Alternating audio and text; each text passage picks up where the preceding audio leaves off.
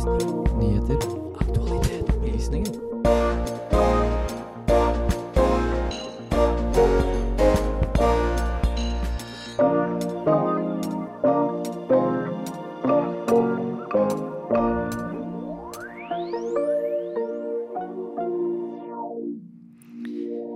Jon Fosse vant Nobelprisen i litteratur. Hva har det å si for målreising i Norge? Regjeringspartiene og SV har nå blitt enige om budsjettforslag. Vi oppsummerer. I går tentes lysene på juletreet på Trafalgar Square i London. Men hvem fikk ideen om å sende et tre fra Oslo?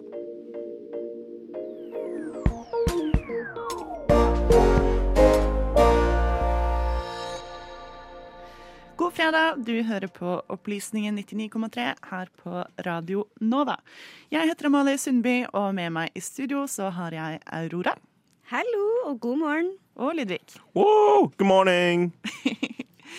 Yes, det er en uh, crispy klar uh, desembermorgen. Uh, gikk det greit å komme seg hit i dag? Ja, det, det er jo litt sånn spennende da, med hver eneste vinter. Spesielt på Østlandet så går jo bussene og alt kollektivtransport helt bananas. Bare det er uh, to minusgrader. Så det har vært litt, bytting, litt ekstra bytting av busser, men vi overlevde alle sammen og kom oss fram. Så det er jo det viktigste. Ja, nei, um, jeg sto kinda opp og bare sånn Nei, dette går ikke. Jeg kan ikke ta den T-banen til studio. Så sendte jeg inn, og så jeg vært 15 minutter sein, for jeg tok én T-bane seinere, for jeg kunne ikke få meg sjøl ut av senga. Nei, men det er vanskelig, altså. Det, Ja, det er litt det. det liksom, det, liksom, jeg sto opp sånn eh, Alarmen min Jeg hadde jo sånn fire alarmer, og så står jeg opp halv ni og bare ser ut, og det er bekmørkt, og jeg bare sånn Dette her går ikke. Dette her, det går bare ikke. nei. Så jeg mente det var litt mer lys for å kunne gå ut av himen. Og da er det viktig at eh, vi alle sammen skulle noe så gøy som å dra hit. For det var i hvert fall min motivasjon for å gidde å eh, Ja. stå opp. Det var sånn OK, jeg skal på sending. Da blir det en bra dag likevel. produ produktivitetskvoten min blir fylt opp av å være på sending. Ja. Ja, og hvordan er det med eksamen da, dere? Det, snakker vi ikke om. Nå, det- eh, ikke i det dag, var i hvert liksom, fall. Jeg satt og drakk meg selv i hjel i går etter eksamen, så dette er oh, top notch treatment. Top notch. Da passer det kanskje heller at vi eh, går videre til en eh, låt. Det spørsmålet har nok vært diskutert eh, veldig, veldig lenge. Ja, jeg grua meg litt til det spørsmålet. Jeg satt og lette etter hva som egentlig var spørsmålet, og jeg prata meg litt bort. Dere stiller spørsmål. Vi forskere vi har også lyst til å problematisere alt. Opplysningen. Vi stiller spørsmålene andre ikke tør å stille.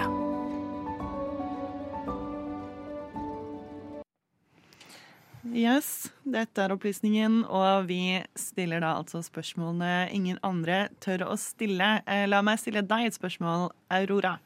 Hva er ditt forhold til nynorsk? Ja. Um, det er et eh, fag jeg hadde på videregående og på ungdomsskolen. det, jeg, jeg bruker bokmål, så jeg har egentlig ikke så veldig stort forhold til eh, nynorsk. Men um, jeg syns det er et veldig fint skriftspråk, men ikke noe jeg forholder meg til sånn til daglig. Syns det er litt vanskelig å lese. Kan ikke skrive det lenger heller. Nei. Men Ludvig, du er eh, vår redaksjon sitt eh, nynorsk-alibi. Hvordan eh, har det seg? Jo, jeg er jo leder for Studentmållaget i Oslo. I tillegg til å være en medlem av Fantastiske opplysninger. Så jeg har jo hatt nynorsk som hovedmål helt opp til ungdomsskolen. Så på videregående så skifta jeg hovedmålet mitt til bokmål, for jeg hadde lyst på en veldig god sidemålskarakter. Det, det er en utrolig velkjent strategi for å få gode videregående karakterer. Du bare skifter fordi du kan alle bokmål. Men, eh, men sitter du da eh, på en oversikt over hvor mange kommuner for eksempel, som har eh, nynorsk som hovedmål? Um, det er ikke så mange kommuner som har. Ålesund er det eneste, for eksempel. Det er eneste kommunen som har bare nynorsk som administrasjonsspråk. Resten av kommunene på Vestlandet oftest har to valg mellom bokmål og nynorsk. Det er utrolig lite. Men òg et tema som blir tatt opp, er Ålesund har slått seg sammen med, de andre, store, med andre kommuner omkring seg. Og nå er diskusjonen om å fjerne om å legge til bokmål til Ålesund sitt administrasjonsspråk, f.eks. Ja. Er det fortsatt sånn at hvis jeg får et brev fra staten på nynorsk, at jeg må svare på nynorsk? Det er motsatt. Hvis du sender inn på nynorsk, så har du krav på å bli svart på din målform. Det gir veldig mye mer mening. Yes. Eh, dessverre så er det ikke motsatt. Staten skal ikke kunne påkreve deg til å skrive en målform som du ikke kan. Og det er det de fleste oftest og misforstår, at å, jeg ble tvunget til å skrive nynorsk på videregående. Og det er der de fleste har sånn bismak ifra. At det er bare det. Nei, det er en form for nærmere tilrettelegge for din talemåte. Den måten du taler på. Istedenfor at du må liksom, med en gang du skal skrive bokmål, så må du rette opp i ryggen og bare tenke på en helt annen måte. Gå i en helt annen mindset bare for å kunne skrive bokmål. Jeg klarer heller ikke å skrive et nynorsk. Jeg skal si jeg er en helt elendig nynorskskriver. Helt forferdelig. Det er liksom Dialekt sniker inn gjennom bakdøra, og lese leser gjennom, og det er bare dialekt.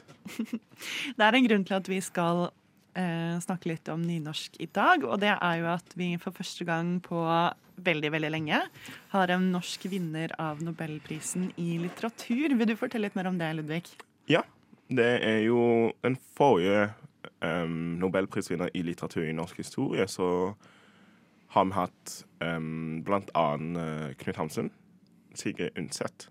Og Sigrid Undset var den forrige um, nobelprisvinneren i litteratur. Det var om lag litt under 100 år siden. Så dette er noe veldig stort. Jon Olav Fosse fødte i 1959 på, i Haugesund. Har vunnet nobelprisen i litteratur, faktisk. Han er nå i Sverige og har holdt et par foredrag. Og på søndag nå så skal han holde en nobeltale for å overrekke prisen til dette. Og dette har jo blitt sett på som en utrolig stor del av norsk målreisning. Dette er en milepæl i norsk målreisningshistorie. For dette blir en anerkjennelse av nynorsk. Vent da, Ludvig, Kan du forklare litt eh, begrepet målreising? For det var litt nytt for meg eh, da vi snakka om dette. Ja, det er jo det. Dette er Målreisning er et arbeid for å skape en språknormal. Og dyrke den og få han til å bli godtatt i det store språksamfunnet han hører hjemme. Um, et godt målreisningsting er jo katalansk i Spania. Målreisning er ikke bare eksklusivt til nynorsk, men det er et norsk ord for et, veldig stort omgrep. Katalansk i, uh, i Nordøst-Spania, bask i Baskerlandet, skotsk i Skottland, irsk i Irland f.eks.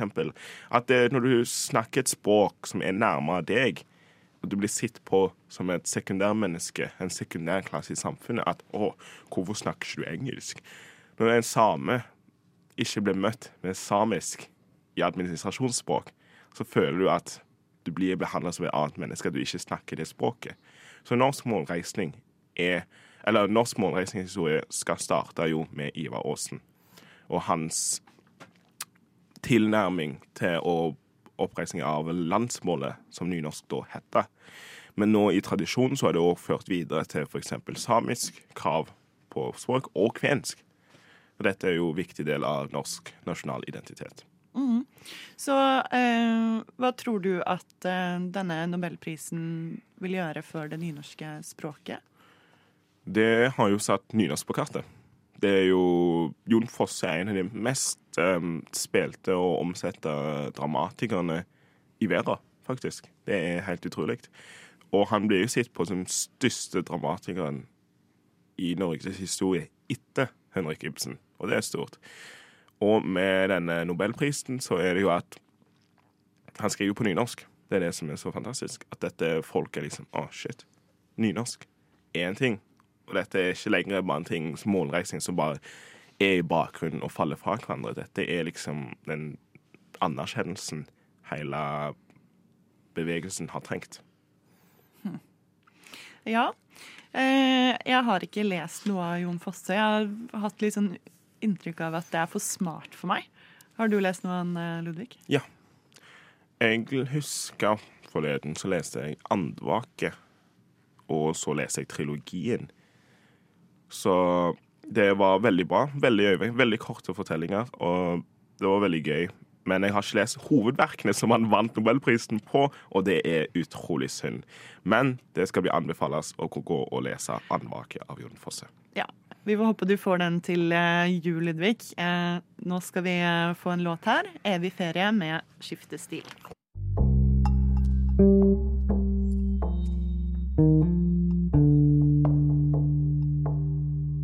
And this is insane. I've never seen this in any other country. Never in my life.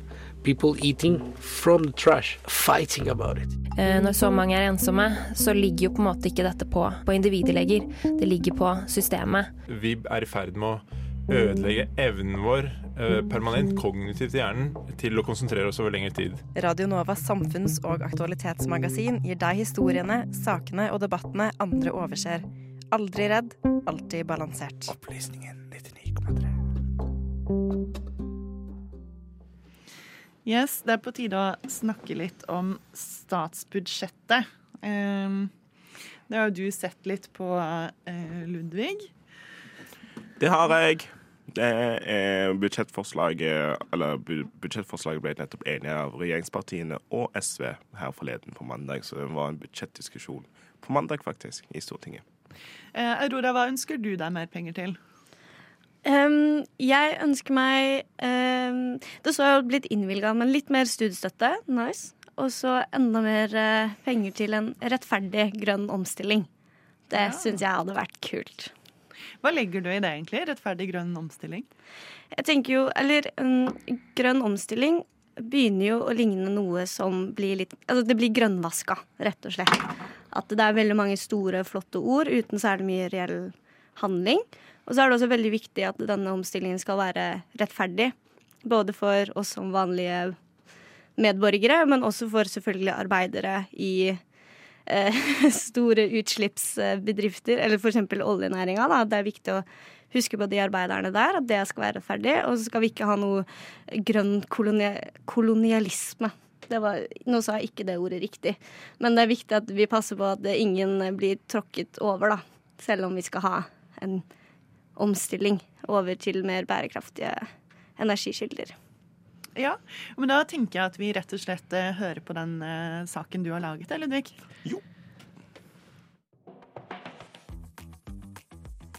Du har kanskje hørt om at et nytt statsbudsjett har blitt framlagt av regjeringspartiene og Sosialistisk Venstreparti, men vet du hva det egentlig innebærer, og hvordan det kan eventuelt påvirke deg?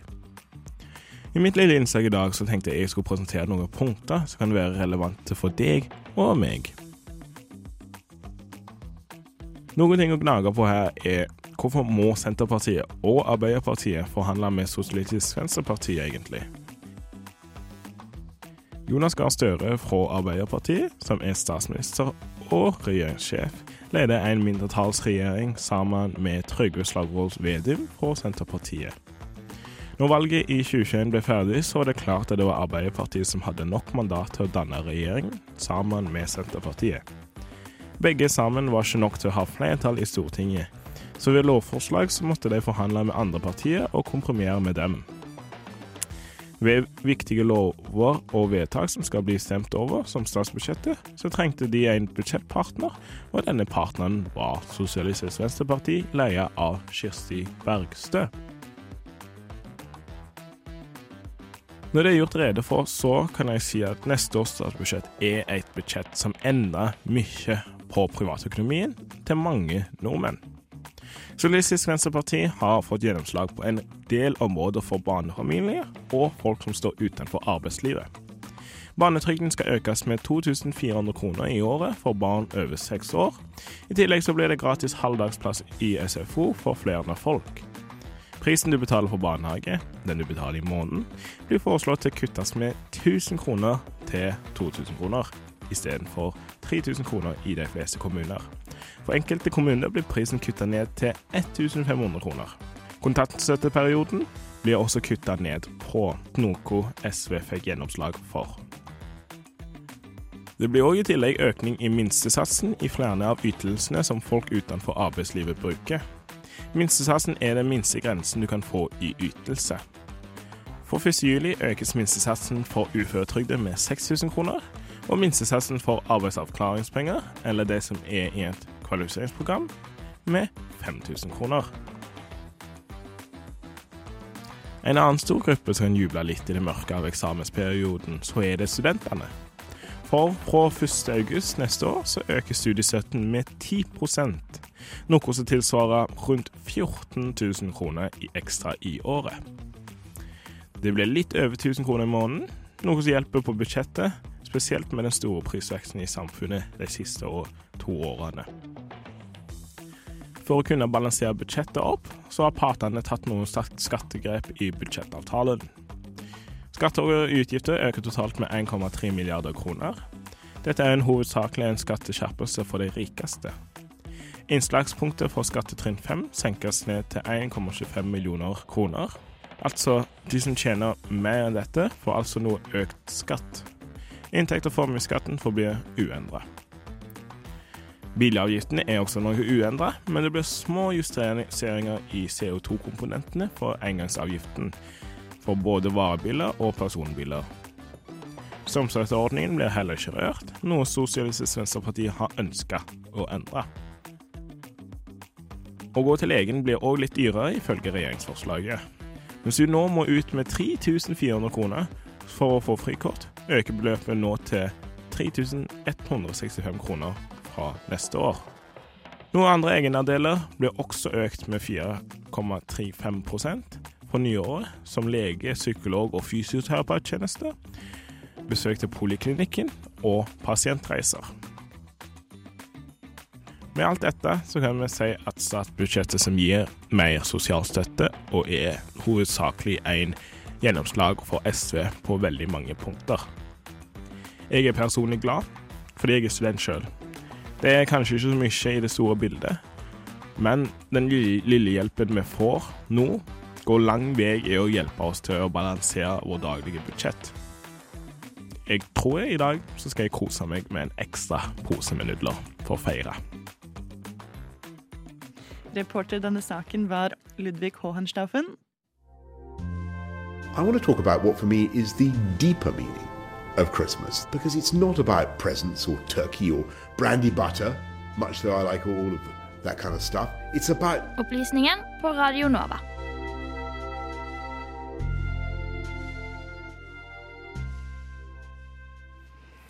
Ja, jula handler kanskje om litt mer enn uh, opplysningen, men én uh, figur som uh, mange syns er viktig i jula, er jo julenissen. Aurora, du har jo lest litt om han. Det har jeg. På onsdag, altså 6. desember i år, så fikk jeg vite at det var uh, minnesdag for Sankt Nikolas. Fordi han er tydeligvis den første opprinnelige julenissen. Og det syns jeg var ganske spennende. Jeg vet ikke om dere har hatt noe forhold til Sankt Nikolas, eller visste at han egentlig var julenisse? jo. Nei, jo, jeg har, jeg har sett jeg har liksom, sett liksom med liksom den um, biskopspinnen sin og yeah. liksom den store pavehatt og liksom både i sånn julete snømalerier. Jeg bare sånn Hm, interessant. Og så selvsagt den svarte Pete. ja, altså jeg uh, har jo på en måte Sankt Nikolas fra uh, to steder, på en måte. For jeg har jo en del nederlandsk familie. Eh, de feirer jo eh, Sankt Nikolas. Og i tillegg så har jeg gått på Steinerskolen, og der feirer vi også Sankt Nikolas. Eh, og det var en seremoni som kanskje høres litt eh, Tja, jeg vet ikke hva slags adjektiv jeg skal bruke, men i hvert fall sånn som vi feira det, da, var at hele skolen samla seg i storsalen. Og så eh, kom Sankt Nikolas og Svartepetter inn. Altså, jeg må si at Svartepetter var ikke blackface. Det, det var en, en feier. Ja. Eh, og så var det sånn at de ropte opp eh, elever fra hver klasse. Da var det en som på en måte fikk ros fra Sankt Nikolas, og en som fikk en straff fra Svartepetter. Eh, og da jeg gikk i tredje klasse, tror jeg, så var jeg da en av de som fikk straff. Eh, fordi lærerne hadde rapportert at jeg ikke klarte å sitte stille i timen. At når jeg var ferdig med oppgavene mine, så gikk jeg rundt og eh, forstyrra de andre elevene. Så da fikk jeg en fotlenke av Sankt Nikolas. OK!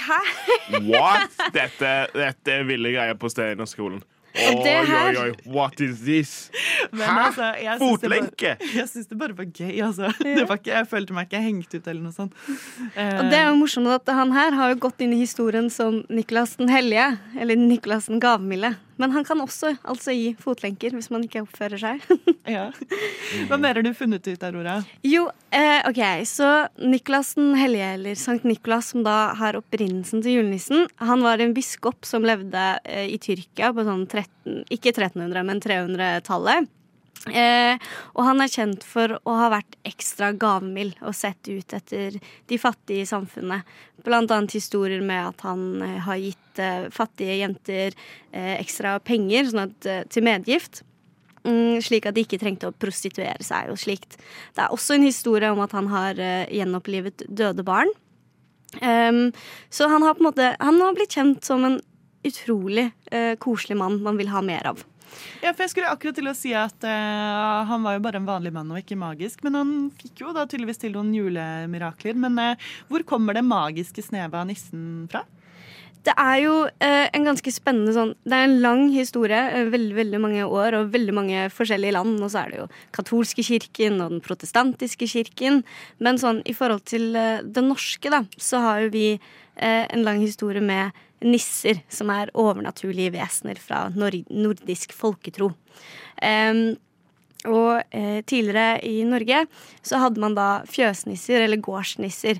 Eh, og da var det viktig at man eh, passet på gården, gjorde alle oppgavene sine, fordi hvis ikke skulle nissen komme. Og nissen var utrolig gavmild og snill, den også, men kunne også være ganske bråkete og skape problemer hvis man ikke ble fornøyde, da. Så i annet Norge så har det jo vært tradisjon med å eh, gi julegrøt til nissen på julaften eh, når alle oppgavene på gården eller fjøset er ferdig, slik at nissen er fornøyd, da. Um, og så kan vi si sånn rundt 1800-tallet, eh, da ble liksom nissen som hjemmets beskytter litt sånn oppblomstra. Det henger jo sammen med romantikken og det nasjonalromantiske. Eh, og da sakte, men sikkert har altså nissen, vår norske fjøsnisse, og eh, liksom legenden om eh, den gavmilde Sankt Nikolas eh, sammensmelta litt. Eh, så da gir det mening at man henger opp strømper, og så kan julenissen da komme med gaver oppi julstrømpene på julaften. Hvis man har oppført seg, da, vel å merke. Pleier nissen å komme til dere, Ludvig? Um, nei. Jo. Ikke sånn den Coca-Cola-nissen som man er kjent med, men liksom den norske vettnissen, liksom. Fjosnisser. For awkwardly nok så legger vi ut julegreit på fjoset. Jeg syns det er utrolig koselig tradisjon. Og så kan man jo velge å tro på disse nissene eller ikke, men jeg merker at uh, det er utrolig koselig hver gang vi feirer jul, og det plutselig banker på døra, og alle er sånn What? Hvem er det? Og så kommer eh, morfaren min kledd ut som julenisse ned trappa, og det er like koselig hvert eneste år. Ja. Nei, jeg var jo oppvokst i litt sånn kristent heim. Ikke en kristen-konservativt heim, men vi hadde ikke noe spesielt forhold til julenisser. Vi hadde med forhold til juleevangeliet og julefortellingene. Som var liksom, det var liksom Før middagen så var det alltid bestefar som leste opp juleevangeliet før middagen. Ja, ja, nei, eh, jeg er spent på om nissen kommer i år, for vi skal feire jul et annet sted enn vi pleier. Men eh, jeg kommer til å krysse fingrene og håpe at eh, nissen kommer også i år. Heldigvis er det ikke mørketid, mørketid, mørketid. Det er opplysningen. Norges beste varte nyhetshemmelighet. Det er riktig, du hører på Opplysningen. Eh, nå skal vi snakke litt om juletrær.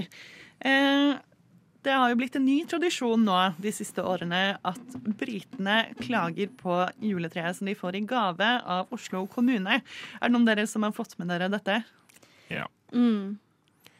Jeg syns det er utrolig utakknemlig. Ja, faktisk. Utrolig. Det er liksom Du kan si at det er dårlig, men når du en gang eller to-tre ganger når det er dårlig, men det er liksom å anerkjenne at det er en tre fra helt i Oslo valgt ut av skogen. De, vi har ikke aktivt valgt de dårligste. Vi har jo valgt de beste som vi har, og så valgt å ta kreftene til å sende det til London, og så kommer du for å si det på sånn Å, det er drit. gå At det blir sosial. nesten sånn ny julehobby for britene Ja, hver gang sånn, det kommer et tre. Å, det drit, det mangler greiner her, det mangler greiner. Bare sånn, Bro, du får en skjært juletre i gave. Det er ikke som at du får en feil sokk og bare sånn Å, dette er en feil farge. Sånn, Fortsett Fortsatt en gave, da. Men uh, har dere sett uh, det bildet som ble posta hvor det ser ut som halve treet mangler? Ja, Ja. og da kan jeg jo kanskje ta dem litt i forsvar, for det så jo ikke så veldig fint ut akkurat der og da. Eh, jeg ringte jo Bymiljøetaten eh, for å høre litt hva de hadde å si. Eh, og han som jeg pratet med der, hadde en teori da, om at fotografene sto klare for å ta bildet før de hadde tatt av alle eh, de ståltrådbitene som holder treet sammen under frakten. Eh, For vi kjenner jo kanskje til alle som har hatt tre hjemme, at når du får treet inn, og så klipper du av den der eh, nettingen som er rundt, Mm.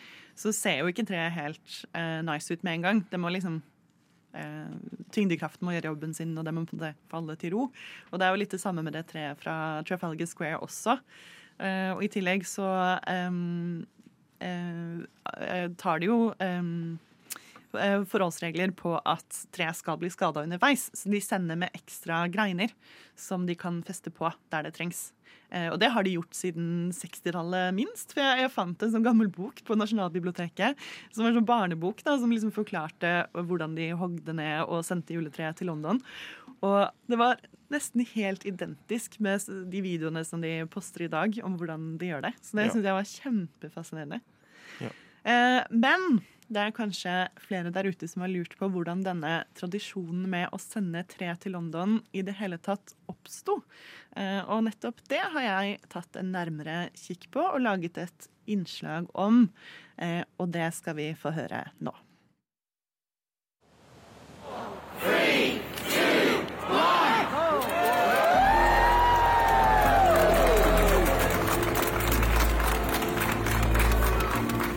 Siden 1947 har Oslo kommune sendt London et juletre i gave som takk for hjelpen under andre verdenskrig. Men hvorfor akkurat et tre? Vi må tilbake til nettopp krigen. I 1942 fikk den norske marinen sin første motortorpedobåt, nummer 626. I førjulstiden samme året var båten og mannskapet på tokt utenfor Bergen. Etter en vellykket aksjon bestemte de seg for å gå i dekning bak en øy og angripe tyskerne på nytt ved mørkets frembrudd. Krigsjournalist Odd Berseth publiserte i 1949 et intervju med en av offiserene om bord.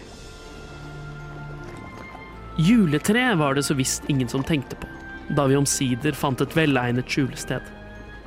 Men som vi lå der godt gjemt og nøt følelsen av å befinne oss blant våre kjære norske øyer, var det en som fremkastet tanken om at vi burde nytte høvet til å sikre oss en norsk julegran til vår egen messe i Lerwick på Shetland, der vi hadde basen vår. Det var nok av trær omkring oss, så det var bare å sende et par mann i land og velge ut et riktig pent et til messen. Da var det et lyst hode som fremkastet en idé. Ville det ikke være morsomt å sende kongen et norsk juletre? Det må da være en presang han ville like. Oppdraget viste seg å være vanskeligere enn først antatt, da det var vanskelig å finne tre som var godt nok for kongen. De tok seg god tid, skal jeg hilse å si. En time gikk, to timer gikk, og jeg tok til å bli temmelig nervøs. Det begynte å mørkne, og det var på høy tid at vi kom tilbake til leden. Men endelig kom karene tilbake. Det vil si, jeg kunne ikke se dem, for de var gjemt under eller bak treet. Alt jeg så, var et svært juletre som kom krypende nedover bakken i et så langsomt tempo at sinnet tok meg. Men det var et nydelig tre. Det skal være sikkert og visst. Jeg tror neppe jeg har sett et flottere juletre noen gang.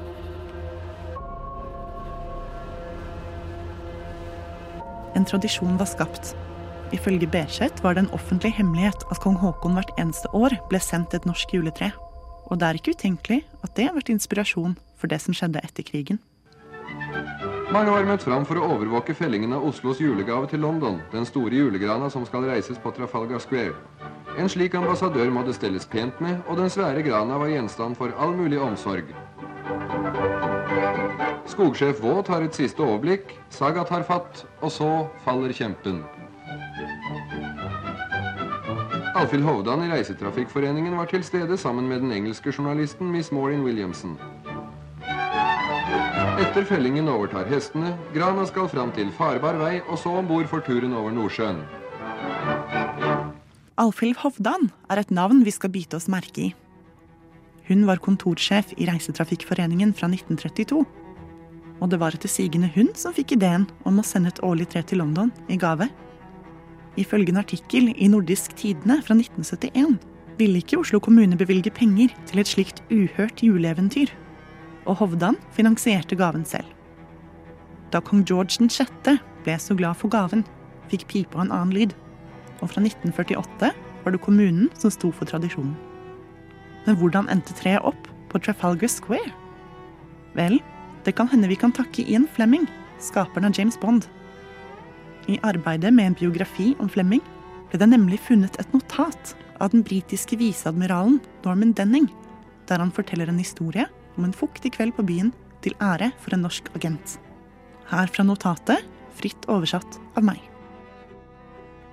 Etterpå stablet vi oss inn i to jeeper, og sammen med agentens utstyr så fant vi to juletrær som han tilsynelatende skaffet fra kong Haakons sommerplass i Oslo og smuglet over med den hensikt å forære et til kongen som bodde i Sunningdale. Jeg tror det var Ian som foreslo at det ville være en fin gest å sette et av dem opp på Trafalgar Square, og det gjorde vi da ved å knytte dem til et rekkverk på nordsiden. Historien om hvordan Oslo endte med å sende et årlig tre til London, er altså ikke helt rett frem. Men disse fortellingene vitner til sammen om menneskelig kreativitet, pågangsmot og djervhet. Som på tross av tid, sted, kjønn og nasjonalitet sammen har blitt et symbol. Og resultatet kan kalles verdens mest berømte juletre. And a tree is a king who is topped with a crown, and a tree never once loses touch with the ground. A tree is a home with numberless doors, and a tree is a world for an ant to explore. Reporter i denne saken var Amalie Sundby. Eh, Lydklipp er hentet fra um, The Poetry Society UK og Filmavisen. Sitatene er lest av Sander Jordbakke og Sander Zakaria. Opplysningen. Hver fredag. Du skal si 10 til 11. og skal Nei, men hvis, hvis opplysningen hver fredag 10 til 11 på Radio Nova. Ja, ok. Ja, det er fint. Yes, da er det på tide for oss å runde av og si rett og slett eh, god helg, står det i vårt sendeskjema. Sier du god helg, Aurora? Ja, jeg ville sagt god helg. Og du, Ja. Ludvig? Helga. Men hvis du skal ønske noen en god helg? God helg. God helg. Helg. Ja, jeg, jeg kan ikke. Hel- Jeg er sykt dårlig på å imitere rogalandsdialekt. Det får jeg ikke til. Ja. Eh, Jeg syns Ja, jeg kan egentlig ingen Det hadde vært veldig gøy hvis du sa god helgo. God helgo. Men du, det virka som du hadde en O i stad. God helgo. God helgo. Nei, nei, nei. Det God hadde vært helg. morsomt. Helga. Heljo. Ja. God hel helga. Det hadde vært Ja. morsomt. Til- For eksempel, for eksempel når jeg skal si 'til helgen', så skal jeg 'til helga'. Ja, da sier jeg til heia helga. Ja, det er helga. Vi har en sånn rar å-ending på i Roga. I i Ryfylke-dialekten som jeg snakker, så er det sånn eh, Å, helga. Kodden. Eh, nei, Det, det er mye rart. Dialekt. Gå dialekt. Det er alltid Virkelig. bare litt uforståelig for hverandre. Det er bare Yes. det. Eh, etter helga så er vi tilbake neste fredag som vanlig. Eh, medvirkende i denne sendingen har vært eh, Ludvig Hohenstaufen og Amalie Sundby. I studio så har vi vært meg, Amalie Sundby, Aurora Gotzi Tobiassen og Ludvig Hohenstaufen.